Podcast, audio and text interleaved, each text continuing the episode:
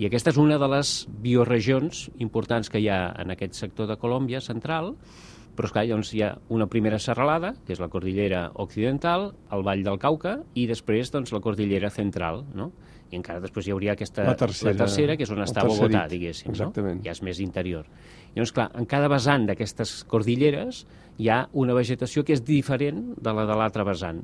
Eh? O sigui, per l'orientació fa que hi hagi una diversitat extraordinària, tant és així que és el país amb més espècies d'ocells, que és un dels, dels indicadors de biodiversitat doncs, més, més utilitzats, és el país més ric d'ocells del món, Més tot el planeta. ric d'ocells Sí. del planeta. de tot el món. I Estem parlant de centenars d'espècies No, d'ocells. 2.000. Aproximadament estan entre el 1998 i el 2010. Tenint en compte que n'hi ha 11.000 al món, més o menys. Sí, sí, sí.